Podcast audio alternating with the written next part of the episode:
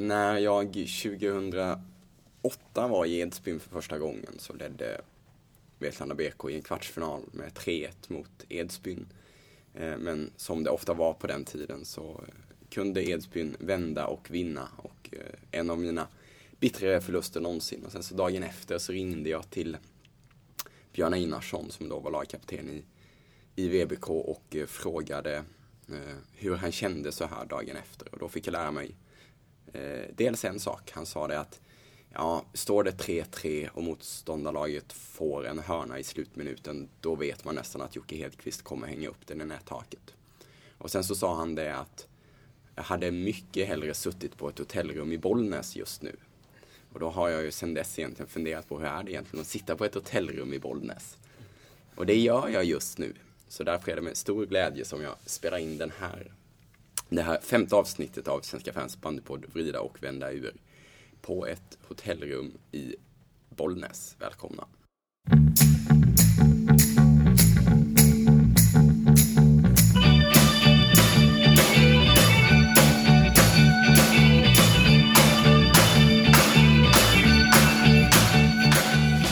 Ja, och jag ska alltså spela in det här eh, femte avsnittet av Vrida och vända ur. Jag heter Daniel Engström Stensson och jag sitter här med två stycken eh, män med varsin Svenska fans-tröja på sig. Vi har dels den tidigare chefredaktören för Svenska fans bandy, Andreas Söderman. Välkommen. Tack så mycket. Och sen så har vi den nuvarande redaktören, eh, Torleif Wikström. Också du välkommen. Tusen tack. Eh, Andreas som man väl också, vi återkommer till det, men som numera skriver på Svenska fans men också på någonting som heter upplevbandy.se. Men vi kommer prata om det sen. Jag tänkte att vi ska börja med att prata lite, lite landslag eftersom att eh, om en stund här så kommer det en intervju med, med Sven Olsson. Jag och Andreas i alla fall ska vidare till Söderhamn här strax och, och eh, titta på Broberg Kungälv och eh, eh, prata med Sven Olsson. Är det VM-truppen togs ut i, i onsdags. Eh, VM drar igång här eh, till helgen blir det väl när det här sänds och eh, vad tyckte ni när ni såg truppen? Torleif, du får börja. Ja, det, det, ser ut som en intressant trupp tycker jag. Jag tycker Svenne har blandat och gett ganska bra. Eh, om man börjar med försvarssidan så tycker jag att eh, det ser väl eh, rätt okej okay ut. Däremot så hade jag helst önskat några till mer renodlade backar. Jag tycker han har plockat ut många så kallade Libro-spelare. Så där är jag lite sådär. Men visst, det är rutinerade är det killar. Så att... Någon du tänker på där som du skulle velat ha med? Ja, det är ju... Nu kanske jag är lite färgad, men jag hade gärna sett kanske typ Anders Binnars spela med Andreas West. De har gjort en fantastisk säsong. All, före jul speciellt, då lossnade det riktigt för dem mm. Så att det, det hade ju sett bra ut tycker jag, men nu har vi ju säga, Linus Pettersson och Olof Englund som ska spela back då mm, förmodligen mm. eftersom Andreas West är, är libero. Så att, ja, det tycker jag är lite... Om det är något minus där så är mm. det det, men annars... Och Andreas? Ja, det var väl som många andra lite förvånande att Pisoni Elving tog en plats som inte ens var med i 25-mannatruppen. Det var väl det som jag reagerade på. Eh, vad jag förstod så fanns det något läkarintyg som gjorde att han fick vara med även fast ja. han inte var med i den första truppen. Ja, det kommer ju bli en självklar fråga här till ja, sen, hur, hur han tänkt, tänkte egentligen. För att det kan ju inte, även om det nu rättfärdigar det står med att Dennis Henriksen eh, inte mm. kunde vara med, så det känns ändå inte som att de går in och, alltså Pisoni Elving går inte direkt in och ersätter Den, Dennis Henriksen, utan det måste ha varit att han, han kom på andra tankar helt enkelt. Precis där. Eh, ja. Jag tycker, jag tycker ändå, jag gillar den uttagningen faktiskt. Ja. För vi har eh, väldigt bra mittfältare, kreativa. Men med Petzone så får vi in en eh, arbetsmyra. Mm. Och jag tror han kan komplettera de andra väldigt bra. Mm. Så att jag är väldigt för mm, den Absolut. Så. Det är, men det jag är förstår också, resonemanget jag, jag, jag, liksom. Precis, ja, men jag, jag, har inget, jag tycker nog att Okay. Han, han kan finnas med i truppen men ja. det var just det att han dök upp från ingenstans Absolut. som förvånade. Ja, det var lite förvånande. Ja. Eh, nej, och annars så tycker jag, man, det, det, det pratas ju alltid en del om då att man vill ha med ett gäng yngre spelare. Nu var det, ja, Jocke Svensk var ju en sån som, som inte kom med och Emil Wiklund Fagerström var en, men jag tycker ju ändå att eh, det här som det ibland pratas om att man inte vågar ta ut yngre och sådär, då får man ju ändå säga att nu har man med Erik Pettersson som ju, ja, han är ju ung och har visat att han är bättre och Jocke Andersson är nu ung och visat att han är bättre och liksom, så det sker ändå en, en förnyelse. Jag tycker faktiskt att det ska bli kul att följa det här eh, VMet och då är man kanske färgad då av att, att eh, ha med sig några av, av de spelare som man följer till vardags. Men annars så, annars så gnälls det ju en del på det här VM-uppehållet och vi pratade lite om det här tidigare och jag förstår att åtminstone du Torleif Leif eh, var inte sådär jätteförtjust över det här VM-uppehållet nu. Nej, i och för sig är det alltid kul med VM och följa med där. För att, eh, och speciellt i Ryssland, för det är ett otroligt intresse där och mycket folk på läktaren. Men det jag är lite oroad över det är ju liksom den här skaderisken. Den är, det är ju många elitserielag som har så kallade toppstjärnor som man inte har råd att avvara i ett slutspel. Och eh, då tycker jag att VM, som i fjol, när det ligger efter säsongen, är eh, att föredra. Mm. Mm. Ja, jag håller helt med. Det upplägget som var förra säsongen med VM efter, med VM efter SM-finalen. Mm. Det känns ju som det optimala, det alla egentligen vill ha kan jag tänka ja. mig. Men eh, det ja, finns I alla fall alla här. Ja, det var väl eh, som jag minns det förra året.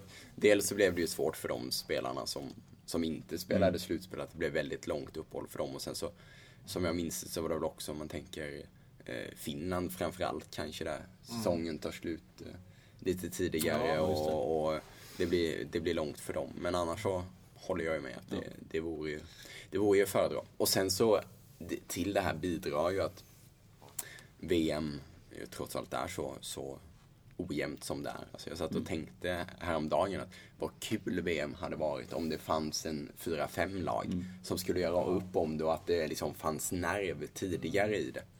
Precis. Nu Men, är det ju egentligen tre veckors uppehåll för att Sverige ska möta Ryssland en gång. Ja. Mm. Det är lite så. Och sen så kommer man hem där så att eh, för de lagen som nu hamnar i ingenmansland är det ju inte så kul för nu vi får väl se, men det, det lutar ju åt att som kungen Bob Broberg egentligen nu ja, kan ana sig till att nu är det bara tre matcher kvar av säsongen och då har de nu tre veckors uppehåll och sen så spelar de tre matcher på, vad blir det, fem dagar. Och sen är deras säsong över. Det är inte heller sådär jättekul. Är det någon fråga som ni skulle vilja skicka med till Sven Olsson här som ni skulle vilja ha svar på? Fråga, ja kan fråga lite om det och hur eh, Svenne tänkte just med, med vi har ganska många Libero-spelare som mm. Är med i VM. Och det ja. frågar jag vilja veta lite grann.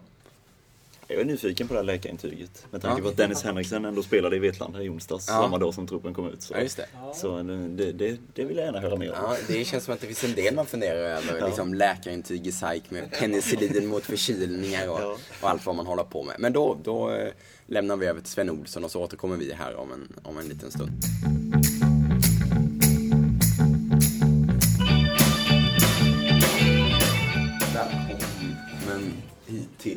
Femte avsnittet av eh, Svenska Krams bandypodd Vrida och vända ur och välkommen Sven Olsson. Förbundskapten och också vad i Broberg, Söderhamn. Ja, allt i allo kanske. Nej, vissa titulerar mig sportchef och, och jag skulle snarare vilja kalla mig marknadschef. Eh, jag, jag, tycker att titeln sportchef rimmar lite illa när man är förbundskapten. Jag vill liksom inte sitta och ringa till spelare för att få dem till Broberg eller någonting. Så min roll är marknadschef i Broberg just nu. Okej, okay. och vad innebär det? Det innebär egentligen att eh, hålla ordning och reda på ekonomin och, och dra in mer pengar. Eh, och så hjälpa till med organisationen runt eh, föreningen och hela, helhetsbiten. Går det bra att kombinera?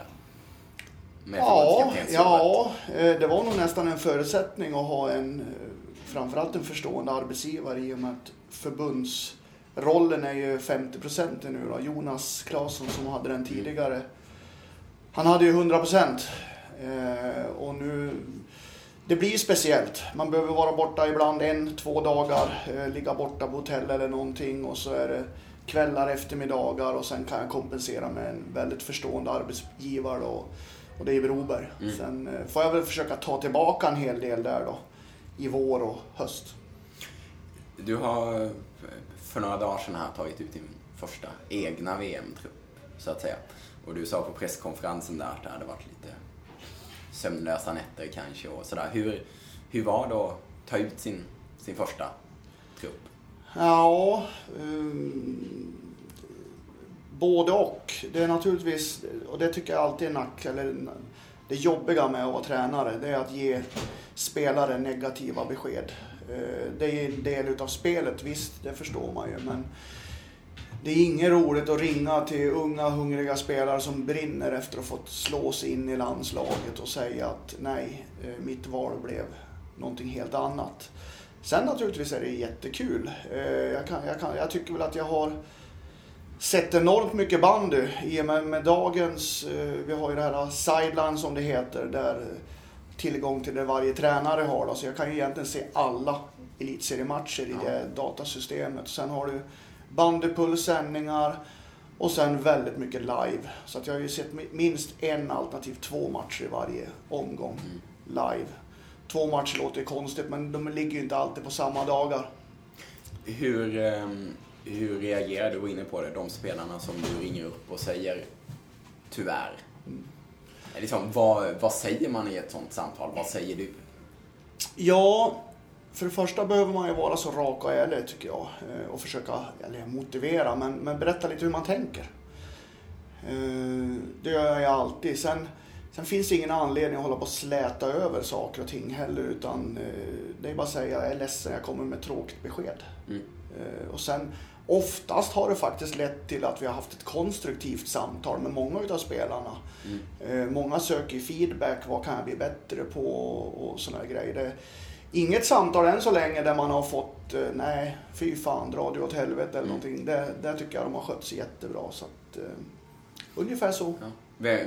säga, hur ser turordningen ut? Ringer du först till de som är uttagna och sen så till de som, eh, som inte är uttagna? Eller hur? Nej, eh, faktiskt inte. Jag kan väl säga så här att eh, eh det blandar jag och ger faktiskt. Eh, naturligtvis så finns det i den här 18-mannatruppen så finns det ju 12-13 spelare, 10-12 i alla fall, som man känner att eh, de här är bra, de här är eh, ja, nycklarna och, och ryggraden i det här landslaget. De ger man ju beskedet mycket, mycket tidigare. Mm. Sedan har man de sista namnen. Så att, nej, jag ringer inte liksom de negativa beskeden sist.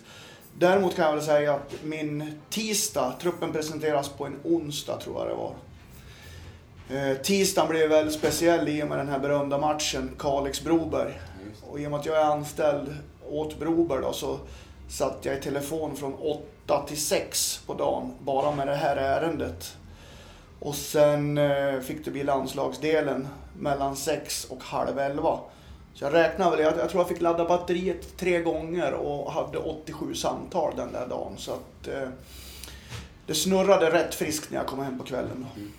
Hur, den här truppen som du har tagit ut. Eh, Bandy-VM är ju lite speciellt, i alla fall, i alla fall för oss som, som ser det lite från sidan, att det är, det är framförallt det är en match som ska vinnas, som räknas. Allt, allt innan det är, liksom, en semifinalförlust vore ju ett stort misslyckande och sen så är det den här finalmatchen mot Ryssland förmodligen.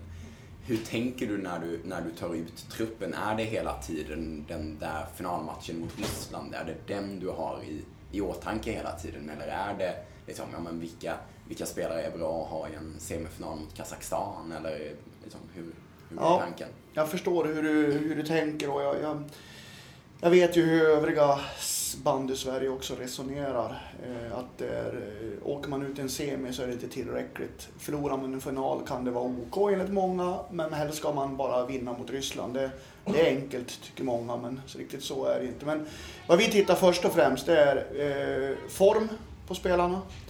Vi tittar på hur vill vi spela bandy?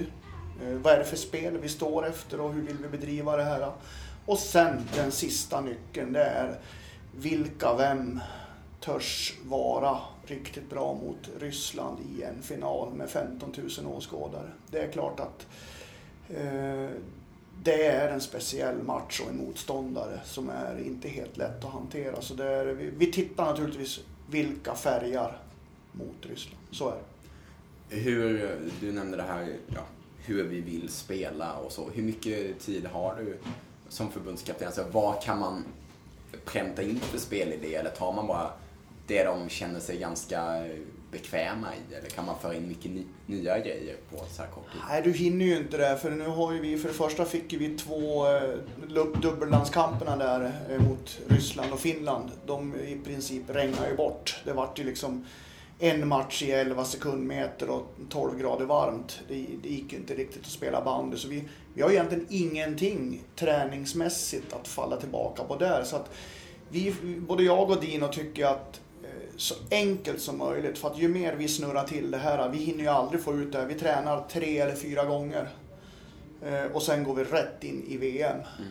Så att vi ritar upp en stor bild, ramarna, hur vi vill spela bandy. Vi berättar för spelarna, vi har gjort det en gång i december, vi tänker dra det en gång till nu då till VM. Mm. Sedan så måste ju också spelarna få putta in sin eh, sitt bidrag i det här. Va? För att eh, det är ändå de som ska utföra det där ute på isen. Så de, de blir en del tillsammans med ledarteamet. Men några, eh, några jätteavancerade grejer, det hinner du ju aldrig på den här tiden. Är det en faktor när man tar ut, det finns ju spelare som då spelar ihop i klubblaget och kan ha liksom en, ja, en bra kemi därifrån. Är det någonting man tar Ja? Ja, det är ju, det är ju genvägen med det hela. Eh, så det är klart att vi tittar lite där. Och, och, det spel vi vill spela, så tittar man på den här truppen så ser man ju att det är anpassat åt ett visst litet håll. Då. Eh, är det ju naturligtvis. Så att... vill du utveckla det? Nej. Ja, ryssarna sitter väl och lyssnar på det här. Men, nej, men det, ja. Mycket lyssnare i Ryssland. Är det så? Ja. Förstår de mycket? Ja. Nej men alltså det, det, är ett passningsorienterat spel. Vi, vi tror att det passar det här landslaget med mycket passningar och försöka våga hota i motståndaren och därifrån eh, vrida ur och tillbaka och komma på en annan yta. Mm. Eh, så, att, så ser vårt tänk ut. Så att, eh, men svar på din fråga, ja det är klart att det är viktigt.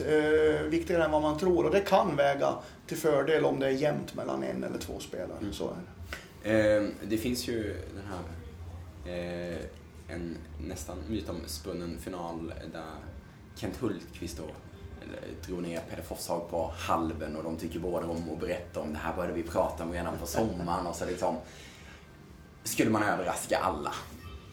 Sitter du inne på någon, någon sån? Ja, det är lite annorlunda nu. Eh, jag tyckte att det där ah, var häftigt och på den tiden så, du hade inte lika mycket TV på den tiden.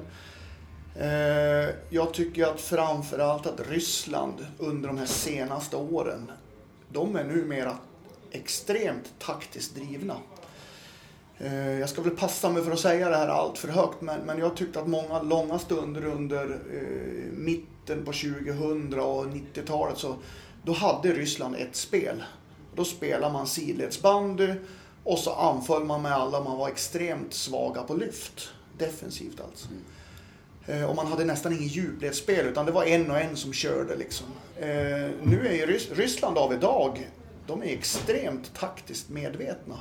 Eh, de har järnkoll på den svensk, svenska elitserien, våra A-landslagsspelare.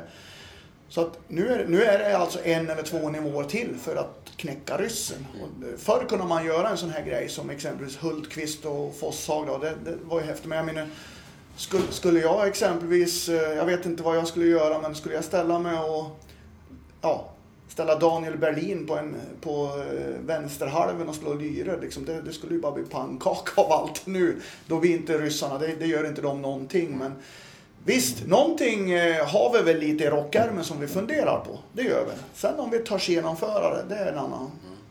Är det mycket just det här, alltså kampen Sverige-Ryssland och liksom hur mycket hur mycket känns det som, eh, vad ska vi säga, eh, hjärnornas kamp och hur mycket liksom tar man, jag satt med, för en annan, en annan eh, grej jag gjorde, satt jag med eh, Kurt Einarsson här förleden när han berättade om liksom, ja, när kan det ha varit? På 70-talet. Liksom, ja. man så här, men vi måste ju hitta ett sätt att liksom, knäcka ryssen och liksom, egentligen alla elitserietränare satt och spånade ihop. Hur ska man göra? Hur ska man gå tillväga? Liksom, hur, mycket, hur mycket sånt finns? Alltså hur mycket utbyte med dina tränarkollegor har du?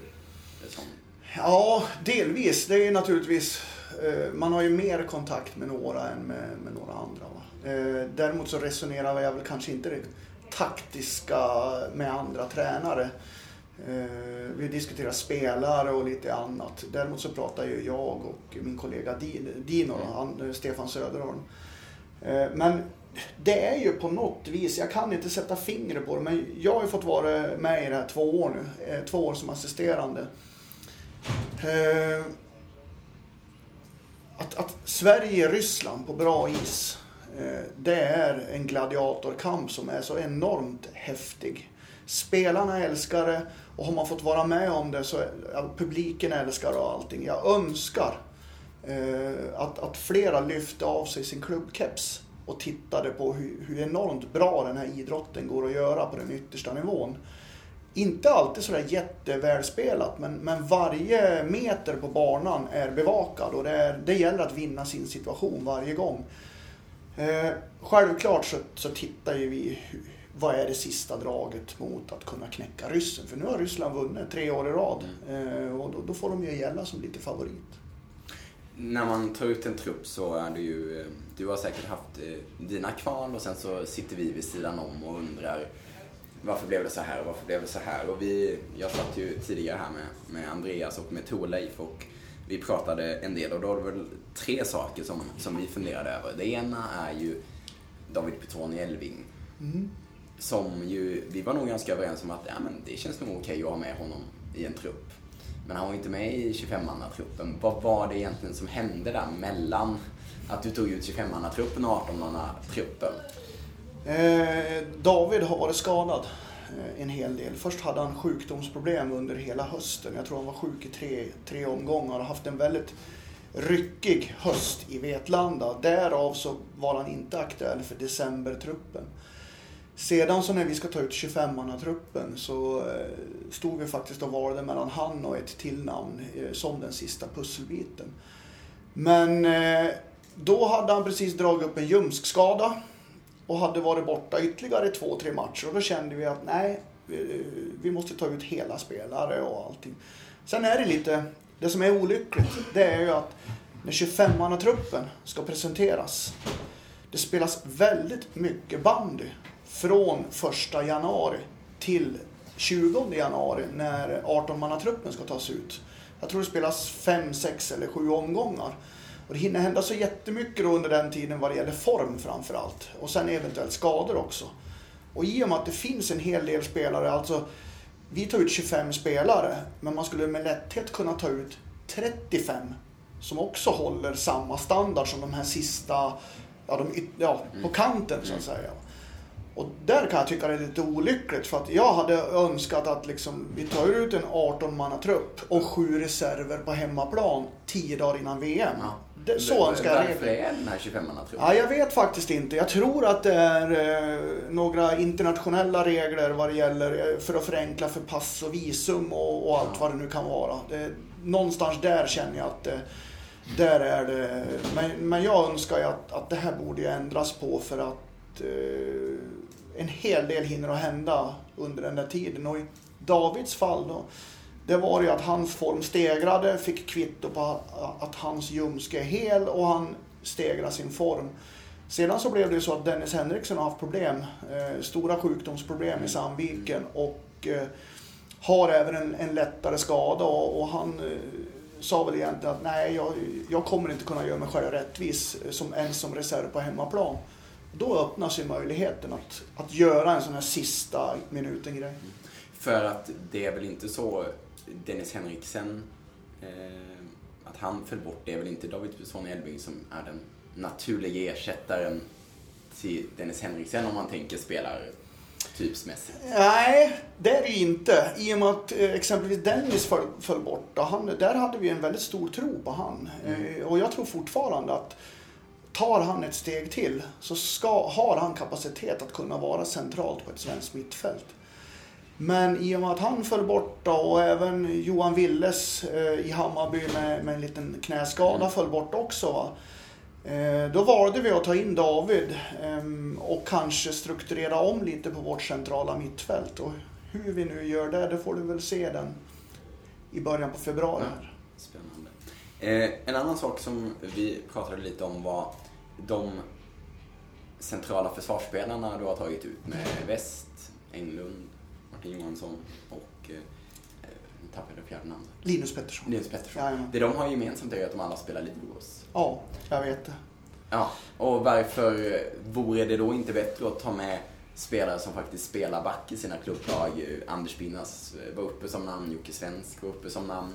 Ja, Jocke Svensk spelar väl någon form av, han är ju både mittfältare, back och, och allting i Edsbyn där. Ja, jag, jag förstår precis. Det är inte helt optimalt. Eh, Även om jag kan tycka att några av de där spelarna gör sig allra bäst som back än libero, men det, det är ju en klubblagsfråga. Va?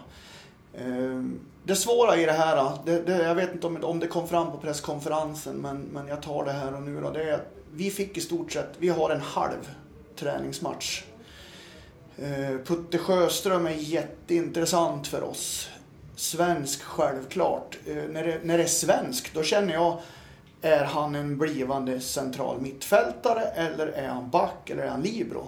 Hans tid kommer självklart komma i landslaget. Det är bara frågan vart katten placeras han. Va? Eh, det är att man skulle behöva några matcher. Det är en sak i elitserien men jag skulle vilja se de här grabbarna i, i en eller två träningsmatcher först. Och då är det extremt lätt att gå på rutin och du vet vad du har när du måste ta det liksom det riktiga beslutet. För att, att stå där med två helt oprövade kort och så funkar inte någonting. Då börjar du på beslut med val när det, när det ändå blir allvar. Så att i deras fall så är det tyvärr då att, att vi hade för lite träningsmatcher på, i år. Är det också eh, mer känsligt med de centrala försvararna jämfört med om man säger Jocke Andersson exempelvis som kom med och kanske också Simon Jansson framåt de, de fick ju samma, ja. i alla fall samma förutsättningar där i Finland. Men de eh, kommer in ändå. Ja, eh, delvis är det väl så. Nu är man väl gammal försvarare. Så. eh, 10-15 000 åskådare och så kommer eh, Ryssland i full kraft. Eh, då vet jag i alla fall exakt vad som sker. Då gäller det att orka stå emot och vara stark i centrallinjen och allting.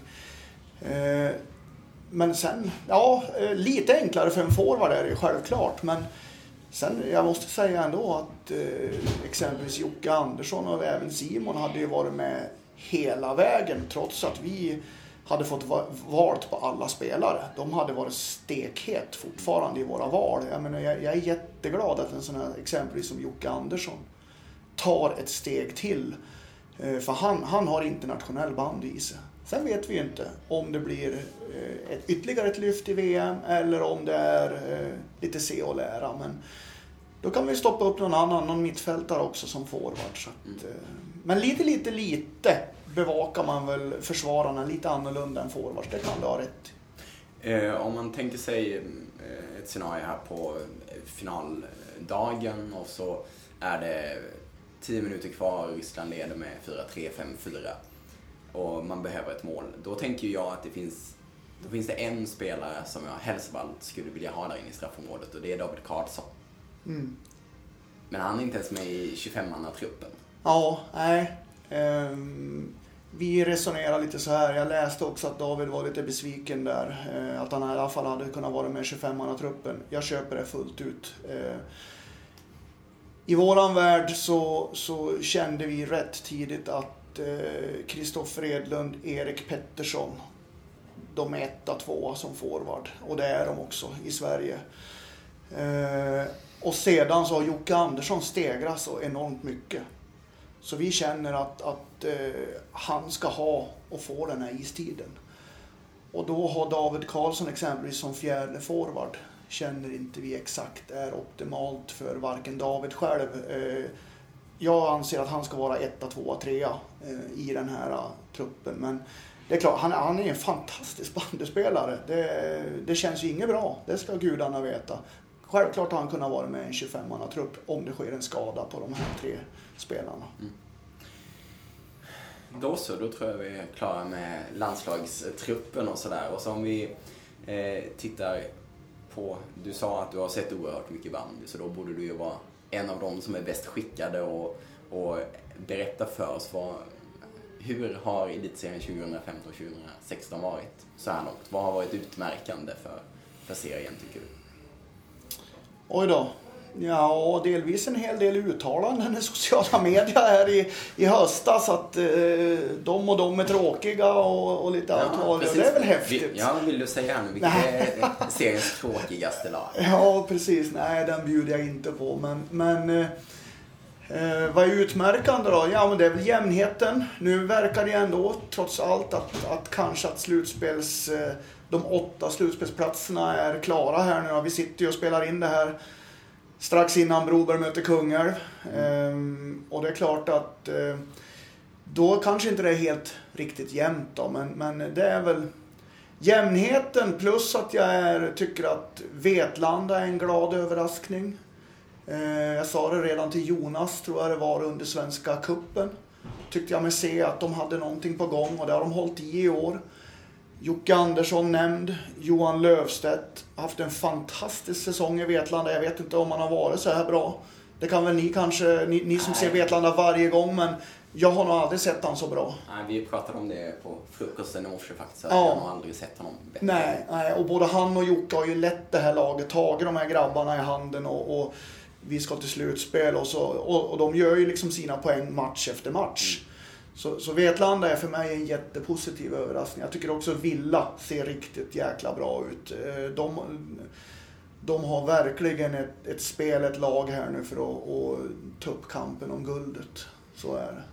Är det någonting, eh, eh, man behöver inte prata om roligt och tråkigt, men är det någonting du ser liksom i spelet som, som många lag gör eller liksom någon sån spelteknisk detalj som som är på frammarsch? Ja, jag har sagt det tidigare någon gång, jag vet inte när det var, men jag ser att en hel del lag strävar efter att, att odla ett, eh, ett anfallsspel mot låga lag. Eh, väldigt många lag, eller nästan alla lag i elitserien, har ju ett kontrollerat försvarsspel där man... Eh, ja, ett lågt försvarsspel heter det väl då. Och många söker nycklarna, hur hanterar vi för att lösa det? Eh, många drar ner på farten och spelar lite mer passningar eh, istället för att spela bara rakt och full fart framåt. Så där ser jag väl att många strävar efter att, att bli bättre på att lösa sådana här lag, vilket Sandviken har varit jättebra på i många år. Eh, där är det väl några som ja, söker lite mera passningar i lägre fart. Mm. Tycker jag mig se mot låga lag. Inte det här full fart framåt och bara gå runt, runt, runt och skapa hörnor utan försöka spela lite passningar inuti motståndaren där det ändå står 6, 7, 8 spelare. Det ser jag väl en liten tendens till. Mm.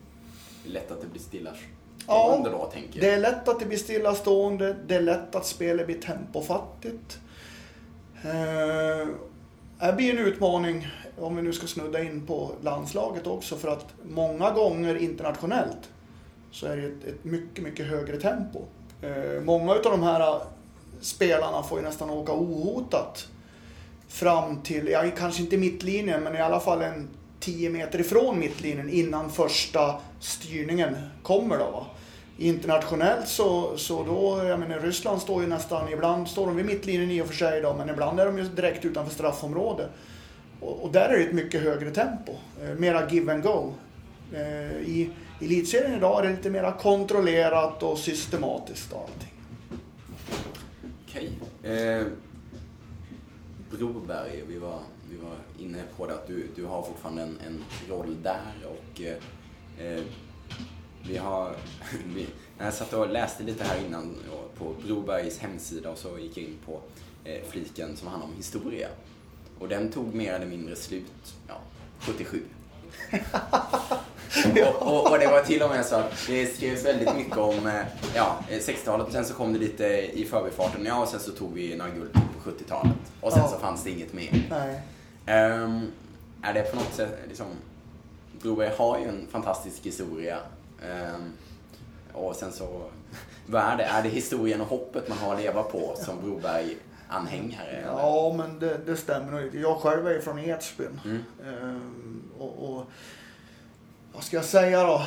Ehm, för att uttrycka mig klart. Men det är att eh, Söderhamn är lite, lite speciellt. Det är lite jantelag. Du ska inte tro att du är någonting och du, eh, det var bättre förr på Dallas tid och allting. Och det här har ju legat, legat många av dagens spelare i faten naturligtvis. Men det är klart att Broberg har ju inte haft några sådana framgångar. Eh, helt enkelt inte hängt med i utvecklingen kan jag väl tycka. Framförallt har man ett totalt insomnande på 80 och 90-talet som mm. förening. Mm.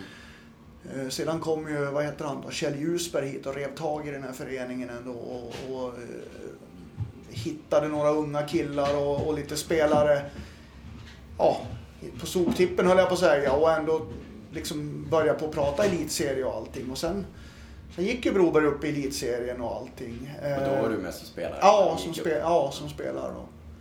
Sedan så är det väl så här att eh, man har inte hängt med organisationsmässigt. Ehm, jag menar Broberg omsätter idag ungefär 7 miljoner.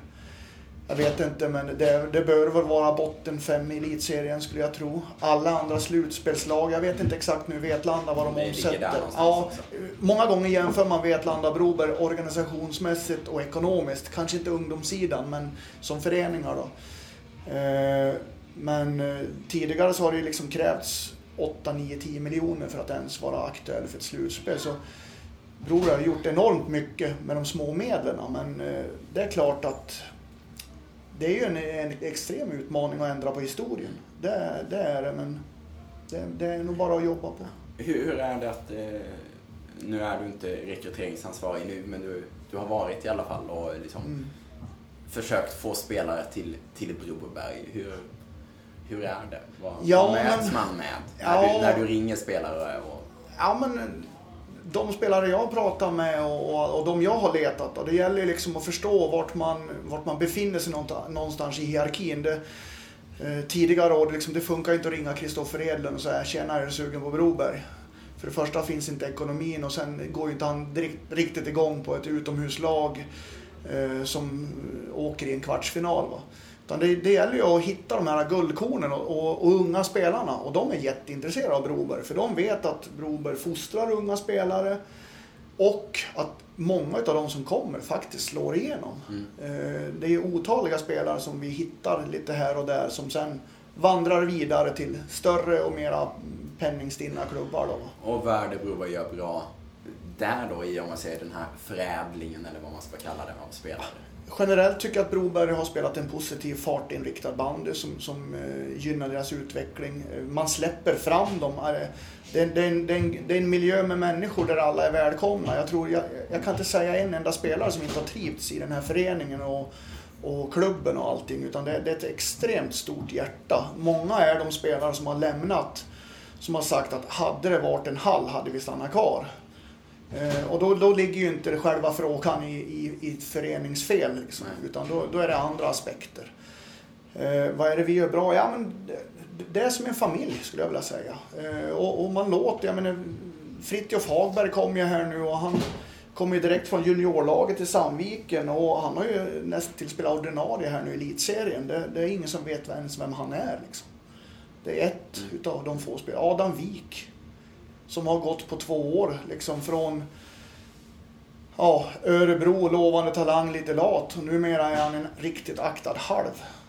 Simon Folkesson har gjort samma resa och numera börjar jag på fundera på han till landslag exempelvis. Och det har tagit han, han var ett eller två år här i Broberg. Så att, eh. Hur hittar man de här då? Var du runt och tittade på ja, allsvensk bandy? Ja, jag har varit runt och tittat på allsvensk bandy. Får bra tips utav eh, personer jag känner. Men sen på något vis så lär man väl ha någon, något bandöga också då och se att, att den här skulle passa riktigt bra. Känns ju bra med förbundskapten här. Ja, vi får väl se här nu efter. Ja, men eh, så är det. Det är väl lite skillnad nu då. Nu, Ja, vi, vi, kan väl bjuda på den här direkt i podden. Men jag menar tidigare har man ju valt, med, valt spelare på, på brädgården. Utan nu, nu, har man ju, nu kan man ju välja liksom kan man ju gå upp och välja bland oxfilé och entrecote och allting. Va? Det är lite skillnad än än att hålla på och äta, ja jag vet inte vad det kan vara. Falukorv. Falukorv i och för sig rätt gott det Det är också. jättegott. Ja. Ehm, tänkte, du, du var inne på, på hallen och vi pratade lite hall här, jag, Andreas och Torleif tidigare. Hur ser det ut med, vad är det senaste i hallfrågan i Söderhamn? Ja, beslutet är taget. Eh, Kommunen har sagt att vi ska bygga en hall, eller ja, väggar och tak. Och en, ja, nu, numera heter det bandyhall. Ja. Det hette väderskydd innan beslutet kom. Det var väl kanske av rent politiska... Eh, man har satt ett tak på 60 miljoner. Eh, just nu ligger det på kommunen att projektera och ta fram ritningar ungefär hur man vill ha hallen tillsammans med Broberg. Då. Så där ligger det nu. Det kommer komma ut till upphandling vet jag någon gång här i mars-april. Och efter det vet vi då vad, vad siffrorna Mm. landar på. Så att landar de eh, vad heter det, upphandlingarna eller de inkomna svaren då på under 60 miljoner då trycker man på knappen Ja, jag vet inte om det är juni eller jul eller någonting. Ja. och, så då, och så tar det ett år eller två att bygga? Ja, jag läste att kommunen hade gått ut här nu att man, eh, man ska dra igång det här i, eh, i augusti. Eh, Vi har ambitionen och hoppet om att kommunen kan dra igång det här kanske i, i juni och allting så att, att vi kan få inviga hallen, låt säga till annan dagen nästa år. Ja. Eller nästa år, det blir ju i år, men alltså Ja. Annan dag. Men det kan bli att det blir byggtid under ett år. Okej. Eh, Vi vet inte exakt där. Men... Och, och med den här hallen så kanske det är möjligt för Broberg att titta lite uppåt igen nu. Får vi som sagt se, men efter 11 raka slutspel så finns ju i alla fall en risk nu att det inte blir ett slutspel det här året. Men sen, om man tittar några år framåt i tiden, var tänker du dig att Broberg kan befinna sig? Ja, om jag tittar på föreningen så ser jag ju framförallt att numera börjar ju, och det har vi strävat efter i föreningen, att, att jobba efter att, ta, ta, att rycka upp ungdomssidan. Vi tog ju ett beslut här i, i, i våras att, eh, inte göra oss av med, men, men att jag menar, vi tappar ju Moisala och vi tappar Rolf Larsson. Eh, de spelarna ersatte vi ju inte direkt utan la de pengarna på ytterligare en, en kvinna på kansliet för att lyfta föreningen ekonomiskt och allting. Då.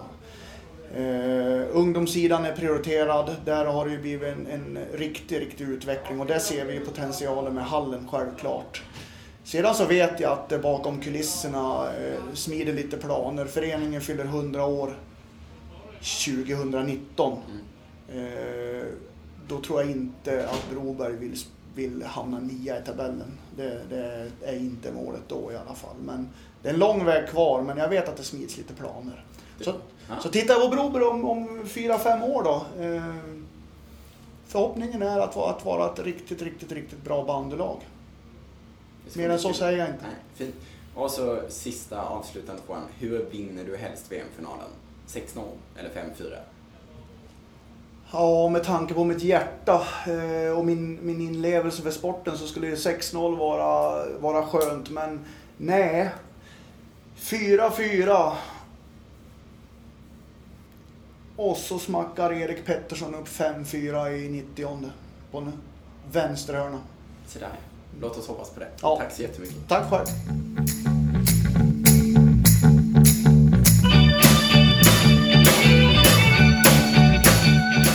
Så, då är vi tillbaka här med eh, Svenska fans-redaktionen som man verkligen får kalla det eh, den här gången. Andreas Söderman och Torleif Wikström och vi tänkte prata om eh, omgången som spelades här nu, sista omgången innan, innan VM-uppehållet som spelades fredag. Vi har en match kvar som ska spelas eh, Broberg-Kungälv här eh, i eftermiddag när det här spelas in. Eh, du Andreas var i Edsbyn och såg eh, Edsbyn hämta upp 1-4 till 4-4 mot VBK. Vad har du att säga om den matchen först och främst? Ja, jag tyckte den påminner väldigt mycket om hemmamatchen i Vetlanda tidigare under säsongen där eh, Edsbyn kändes bleka, väldigt mycket blekare än vad de har varit för tidigare säsonger. Där det inte alls kändes som att de hade någon riktig Ja, deras spel liksom, det hände inte så mycket i spelet utan det, det var mycket stillastående och inte mycket skapade målchanser utan istället gjorde Vetlanda återigen en väldigt bra match. Som de eh, nu har gjort ett par hemmamatcher och även Villa borta eh, i januari här. Så i 70 minuter så var det väl inte alls orättvist att Vetlanda ledde med 4-1, snarare tvärtom. Eh, Vetlanda kändes kändes bra helt enkelt och såg verkligen ut att ta den där första historiska i så fall segern i den där arenan där de aldrig har vunnit. Men sen kom några utvisningar och Edsbyn fick lite medgång, fick ett eh, mål som styrdes in och sådär lite enkelt. Med huvudet? Ja, med huvudet. Och, var det Oskar Wik Precis, ja. Han gjorde väl tre mål igår. Ja. Han var ju den absolut den hetaste Edsbyn-spelaren ja. igår. Så de fick kom in i matchen där Edsbyn och kunde komma upp till 4-4. Så, och det blev slutresultatet. Men eh, ja, sett över hela matchen så tycker jag absolut Vetlanda var värda segern. Men eh, ja, man kan inte vara missnöjd med en poäng i Edsbyn. Som Vetlanda supporter tycker jag inte. Nej. Och eh, någonstans så känns det väl kanske som att den där poängen eh, till slut då säkrade slutspelsplatsen för, för Det får man väl ändå säga.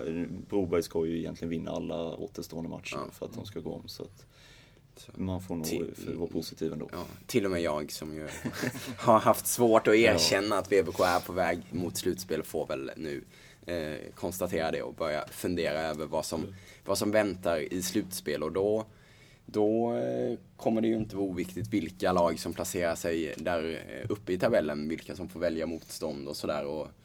Bollnäs skaffade sig ett bra läge att eh, åtminstone komma topp fyra och kanske till och med hugga på topp två platsen när man slog eh, Villa hemma igår i en eh, jämn match.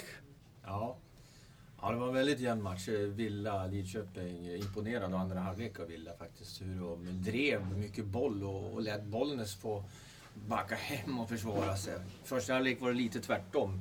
Det var Bollnäs som var det lite bättre lag. Eh, gick lite rakare på mål. Hans Åström sammanfattade ju matchen ganska bra efter den gamla bandyikonen. Att eh, Bollnäs gick lite rakare, hade lite mer boll över 90 minuter.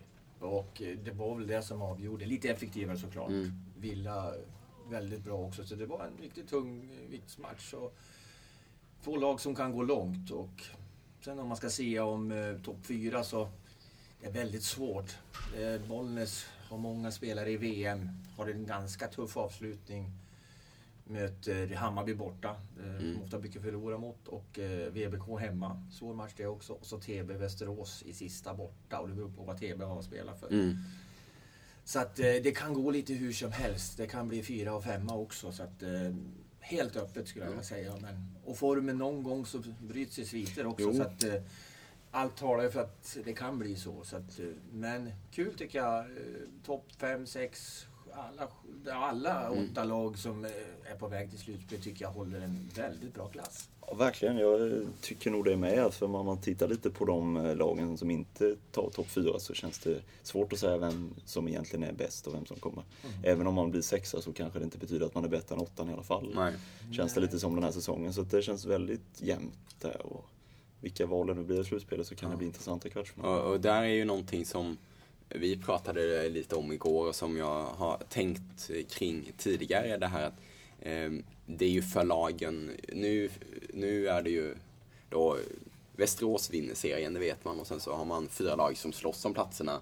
Mm. Ja, två till, två till fyra. Men sen så de eh, lag 6, 7, 8, att det egentligen inte spelar någon större roll om man placerar sig 6, 7 eller 8. För mm. att laget som eh, vinner serien får välja fritt mellan 5 till 8. Och där kan ju jag tycka att det borde kanske vara så att ettan får välja då mellan lag 7-8 och sen så får tvåan välja mellan ja, de två lägst placerade lagen. Eh, för det, i ett, det kan ju vara så att laget som vinner serien av någon anledning väldigt gärna möter laget som slutade femma i serien. Mm. Och det känns ju orättvist mot det laget som slutar femma. Att mm. man, man gör en, en sån bra säsong och så ställs man mot, mot bästa laget direkt. Ja, det håller jag faktiskt med på. Det, det vore mer eh, rätt att liksom ettan, tvåan möter sjuan eller åttan. Men ja, nu är ju reglerna ja. så här så att, mm. får vi acceptera det. Men, och det är väl lite för tidigt än att, att börja sia kring eh, vilka, vilka lag som möter vil, väljer vilka eftersom vi inte alls vet hur, hur det placerar sig där. Men man kan väl konstatera att både Eh, både komma etta, tvåa brukar vara viktigt för att mm. ha hemmafördel i semin, men nu också Eh, det här att det faktiskt är en kamp om fjärde, femte platsen och att eh, det laget som kommer fyra får nog räkna med att möta det laget som slutar, slutar femma. I alla fall. Och, och, och, det kan ju oavsett, det kan bli Hammarby-Bollnäs, det kan bli Sandviken, Hammarby. Det, mm. det kan bli en, en mm. väldigt kul kvartsfinalserie. Jag tror i år, alltså, som jag ser det lite grann så verkar alla, alltså åtta slutspelslagen, vilka det nu blir, men alla verkar väldigt hemmastarka. Så det har vi sett ja. i år att Vetlanda vinner mycket matcher mm. hemma till exempel. Edsbyn har ju vunnit ända till, till på slutet och de mm. har tappat mm. lite då. Men, så att alla verkar hemmastarka. Så att, klart att det blir fördel topp fyra mm. ändå. Sen kan det ju vara en fördel också att börja borta eller hur det nu blir. Man slår i underläge i första mm. matchen. Så att det är inte skrivet i sten. Men jag tror fördel det. Ja. Sen så innan vi lämnar gårdagens så, så måste vi kanske ändå notera att Kristoffer Edlund gör fem mål på tio minuter i stort sett. Han, var, han, han, missade ju en del nere i Vetlanda i, mm. i onsdags. Ja. Ovanligt mycket men... Ja, det får jag ändå säga att eh, jag har nog aldrig sett han missa två rena frilägen på en match som han gjorde i onsdags. Var det därför han missade skjutsen tillbaka till hotellet? Ja, han missade alltid onsdags. Ja, tung, tung dag, men det tog han igen mot, ja. mot Tillberga. Och även Vänersborg-Hammarby verkar ha varit en väldigt sevärd match. Ja. ja. Inte hunnit Sen. sätta mig in i den så mycket, men match, sitter man bara på matchutvecklingen så och 6-6. Jag, hade ju, jag, tipp, jag tippar ju varje omgång och jag, igår fick jag in alla utom den. Där hade jag 6-5 till Vänersborg. Ja, just det. 6 -6. Ja. 5-3 Bollnäs blev ju 5-4 och eh, så jag var nära på många matcher så jag var rätt ute där ja. i alla fall och det var roligt. Det är inte varje gång, det vet ni också. Ja, nej, det, ja, det ska man inte ge sig på egentligen. Nej, det ska man skryta lite. Ja. Men om vi hänger kvar vid Bollnäs med Thorleif, var det så enkelt att det var bara att flytta upp Helmers och sen så löstes allt för Bollnäs? Ja, alltså Bollnäs var ju ganska uddlös i början på säsongen och Bollnäs, de killarna själv säger, vi spelar bra band men vi får inte till det i sista tredjedelen. Och det håller jag med om. Samtidigt så eh, Hans Åström är otroligt duktig och kan bandy. Och jag har ju varit inne på samma linje. Han berättade igår att killar som Marcus Ståhl, uh, Vilja Altonen med flera måste höja sig för att få upp ja. liksom, högsta nivån till, för alla. Så att, det har de gjort senare under säsongen och framförallt strax före jul när vi börjar mm. och med upphämtningen så tycker jag att det är fler spelare som har tagit initiativ. Mickelsson har kommit igång framåt. Mm. Och det hände när vi flyttade upp Per Helmers på mittfältet.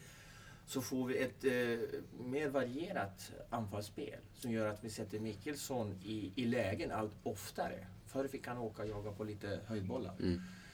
Så det är den stora skillnaden för Bollnäs, att vi har fått ett helt annat mittfält.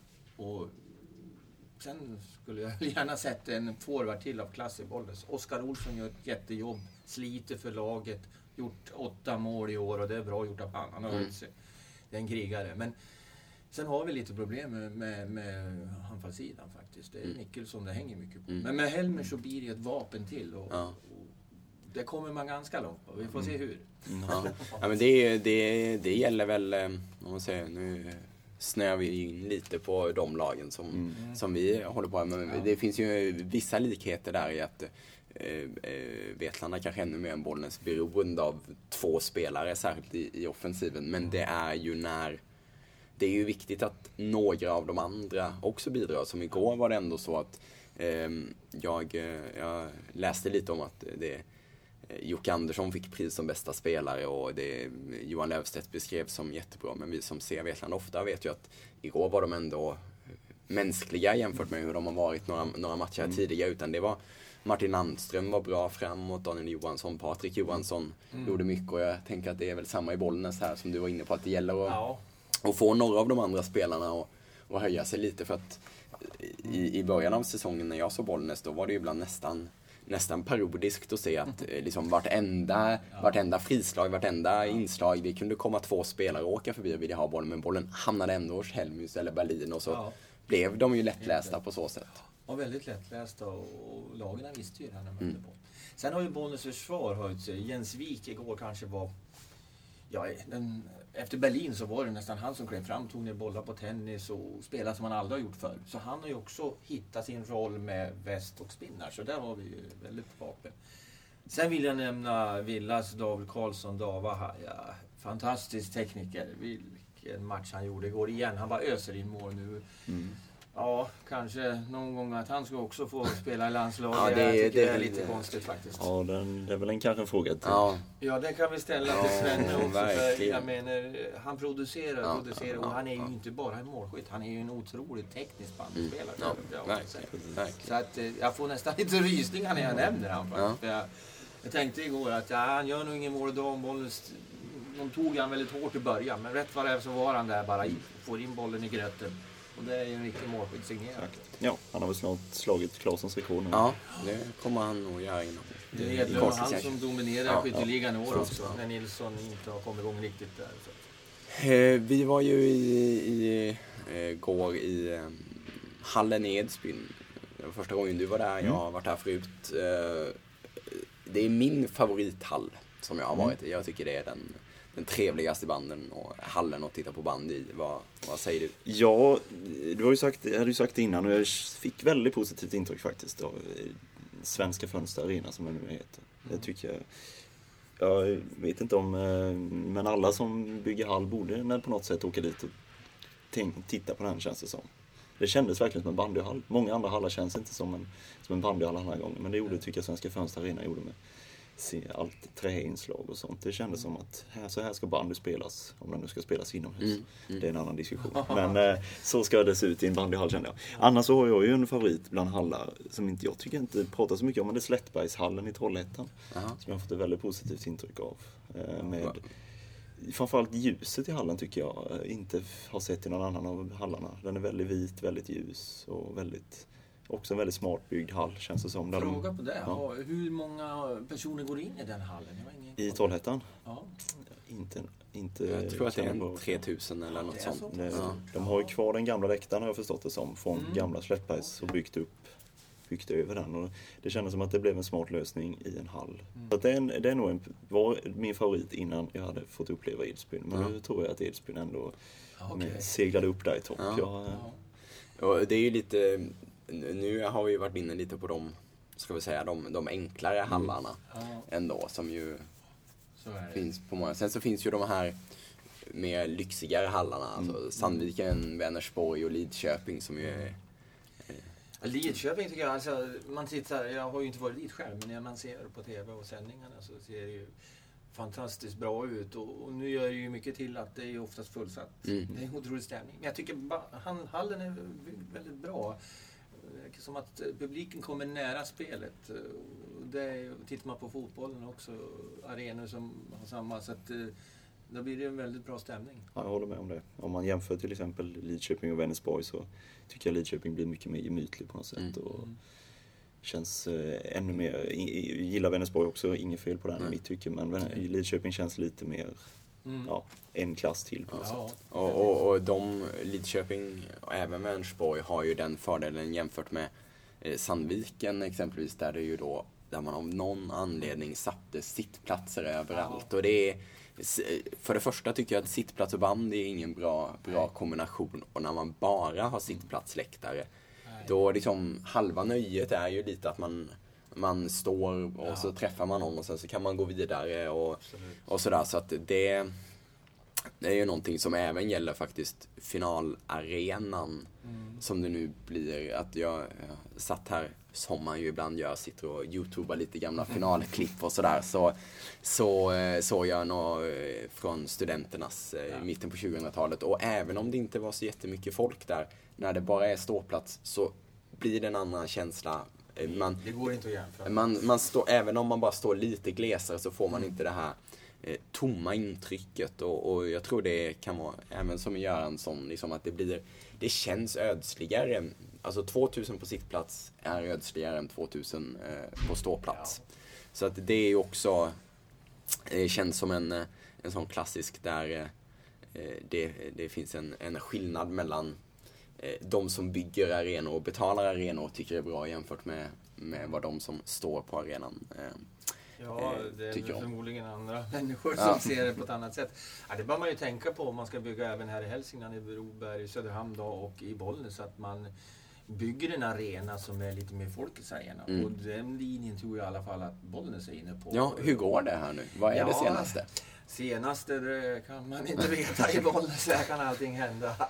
Men eh, det senaste är att det finns en finansiär, vad heter det, finansiär. Mm. Eh, en eh, kille som bor i Stockholm just nu då, som vill sponsra Bollnäs med både spelare och hall. Då.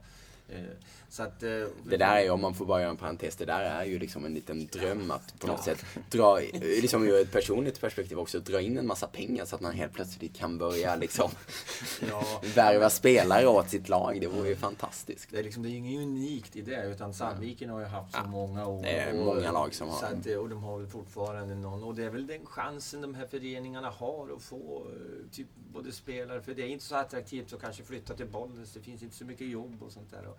Och då, då hänger vi inte med annars. Så länge vi inte har hallar att Nej. komma med och någonting. Så att, nej, men så det senaste är väl i alla fall att det är saker på gång. Och sen, det har ju varit i 12 år nu. Men eh, vi får väl se då. Men jag tror faktiskt att det kommer bli en hall här inom de närmaste två åren i alla fall. Mm. Känns det som. Ja. 2017, 2018 ska det kunna bli en hall. Okej. Och även Söderhamn är ju på gång. Så att, Mm. Jag tror det är bra för banden. Nu sitter ju inte Bollnäs i fatet så. De kan ju träna upp i Edsbyn. Så att det är ändå bra förhållanden när det är så pass nära emellan. Va? Så att, Mm. Men visst, dåliga tider på sena kvällar och träna får man ju. Mm. Så att, visst bör det finnas fler hallar. Jag är ju en gammal människa jag som tycker om eh, bandy ute. Men någonstans så ser man ju nu lite att det funkar ju inte i längden. Utan Mm. det, ju så beroende av väder och vind så att... Mm. eh, Nej, det är klart det ska vara hallar. Så är det. Du var, Andreas, då blir det en fin övergång här Mm. där du på din, eh, din nya sajt upplevbandy.se eh, gjorde någon liten genomgång här av de olika hallprojekten. Eh, vad, vad såg du där? Berätta lite om vad Upplev bandy är och så kan du säga något, något om de olika. Bandy det är ett litet nytt projekt jag har som, eh, för att jag kände att jag ville ha en ny plattform att skriva intervjuer på. Bara träffa bandy, bandymänniskor i. Som jag drog igång här innan jul och håller på med nu resten av säsongen i alla fall. Sen får vi se vad det blir av det. Men det är lite testa och pröva sig fram just nu med det. Så en av dem jag träffade var ju bland annat i Skövde där då. Eh, där de ju planerar att bygga en väldigt enkel hall med bara tre väggar. Oj. För eh, 26 miljoner, har jag för mig det var 26, 28 någonting. Ja. Så vi, var där och såg en division 1-match och pratade med eh, projektledaren där som heter Fredrik Lorentzon. Och vi pratade om projektet och vad de tror vad Ja. de planerar för just nu. Eh, spännande projekt tycker jag. Eh, spännande, en lite nytänkande idé och lite som ju fokuserar mycket på det som jag tror är viktigt för att få till en hall och det är ju liksom att man inte bara tänker bandy utan man försöker inkludera mer, mer grupper, mer människor och så att det kan komma fler till gagn för Mm. i ärlighetens namn så är ju bandyn väldigt liten i, Ja. i många städer. Så att eh, man måste tänka lite bredare. Och det för, tror jag ändå de försöker göra i Skövde. Så blir det någon, av, någonting av det projektet så tror jag att det kan bli intressant. Ja.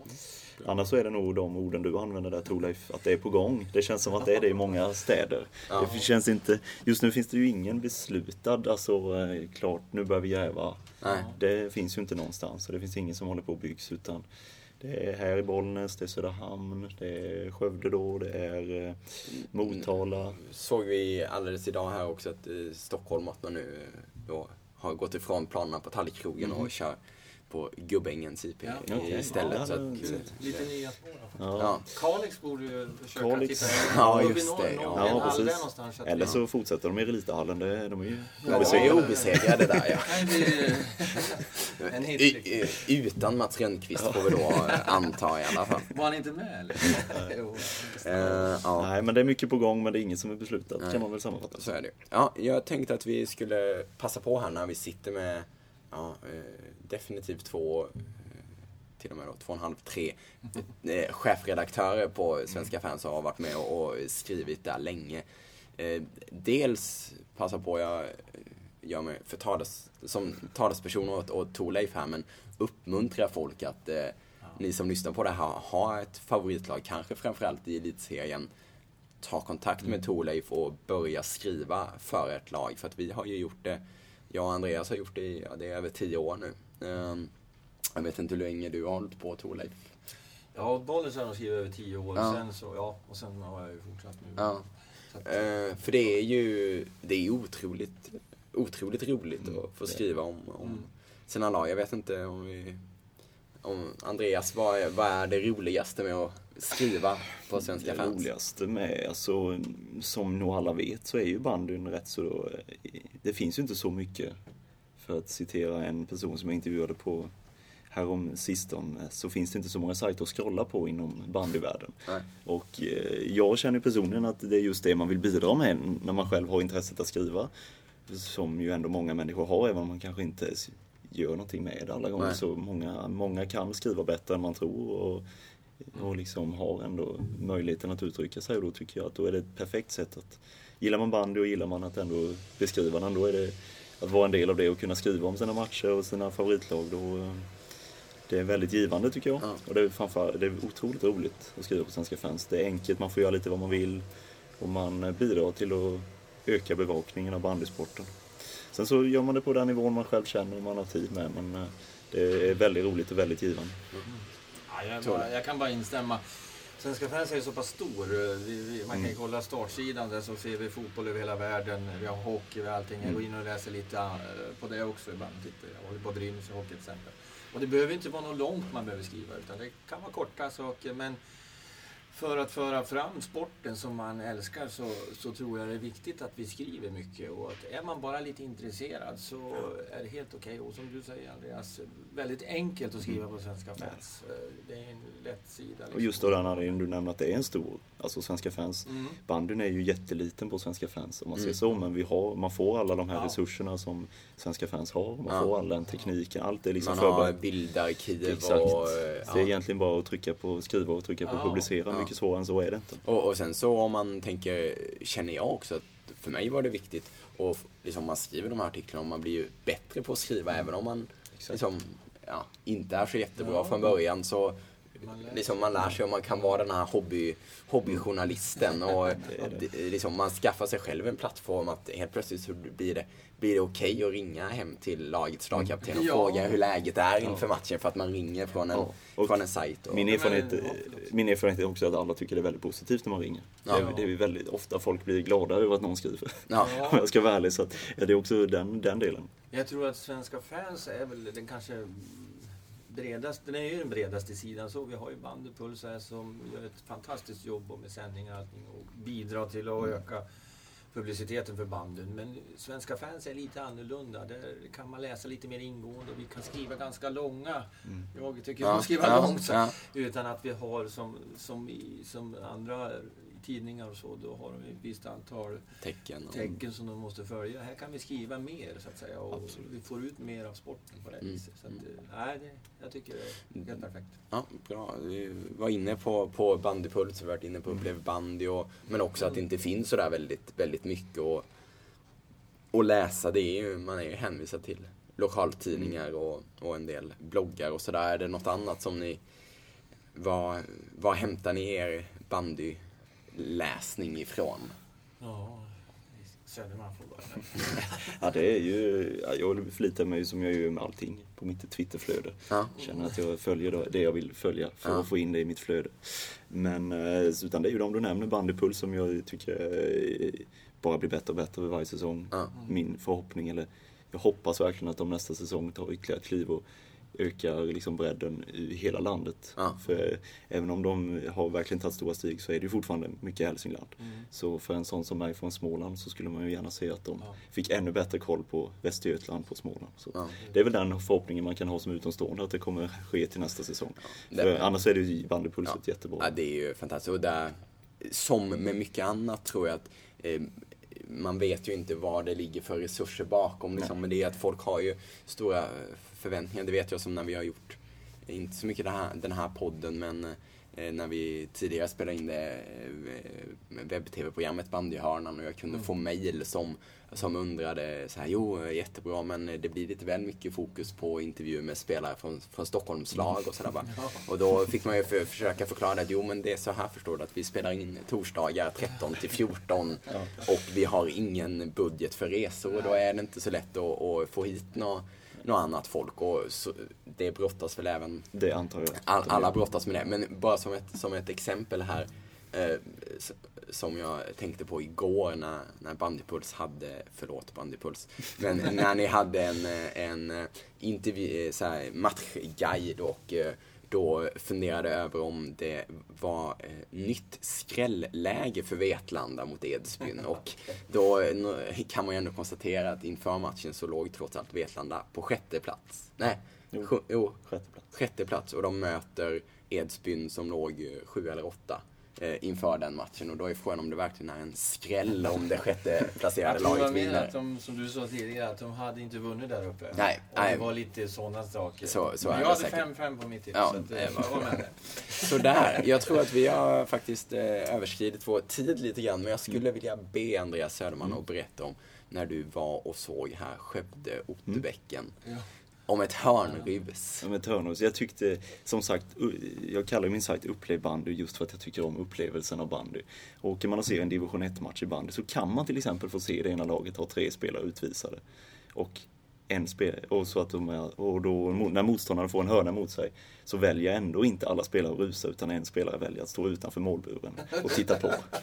Och Skövde kunde göra ett ganska enkelt mål där. Jag tycker det är, det är härligt. Ja, visst, det är bra. Han ställde sig alltså utanför stolpen på kortlinjen och bara stod där. Vem vill ha en bandyboll i ansiktet? Verkligen. Det är svårt att klandra honom. Tack så jättemycket för att ni har uh, lyssnat, för att jag fick uh, prata med er här och uh, vi återkommer om någon vecka eller två. Tack så mycket.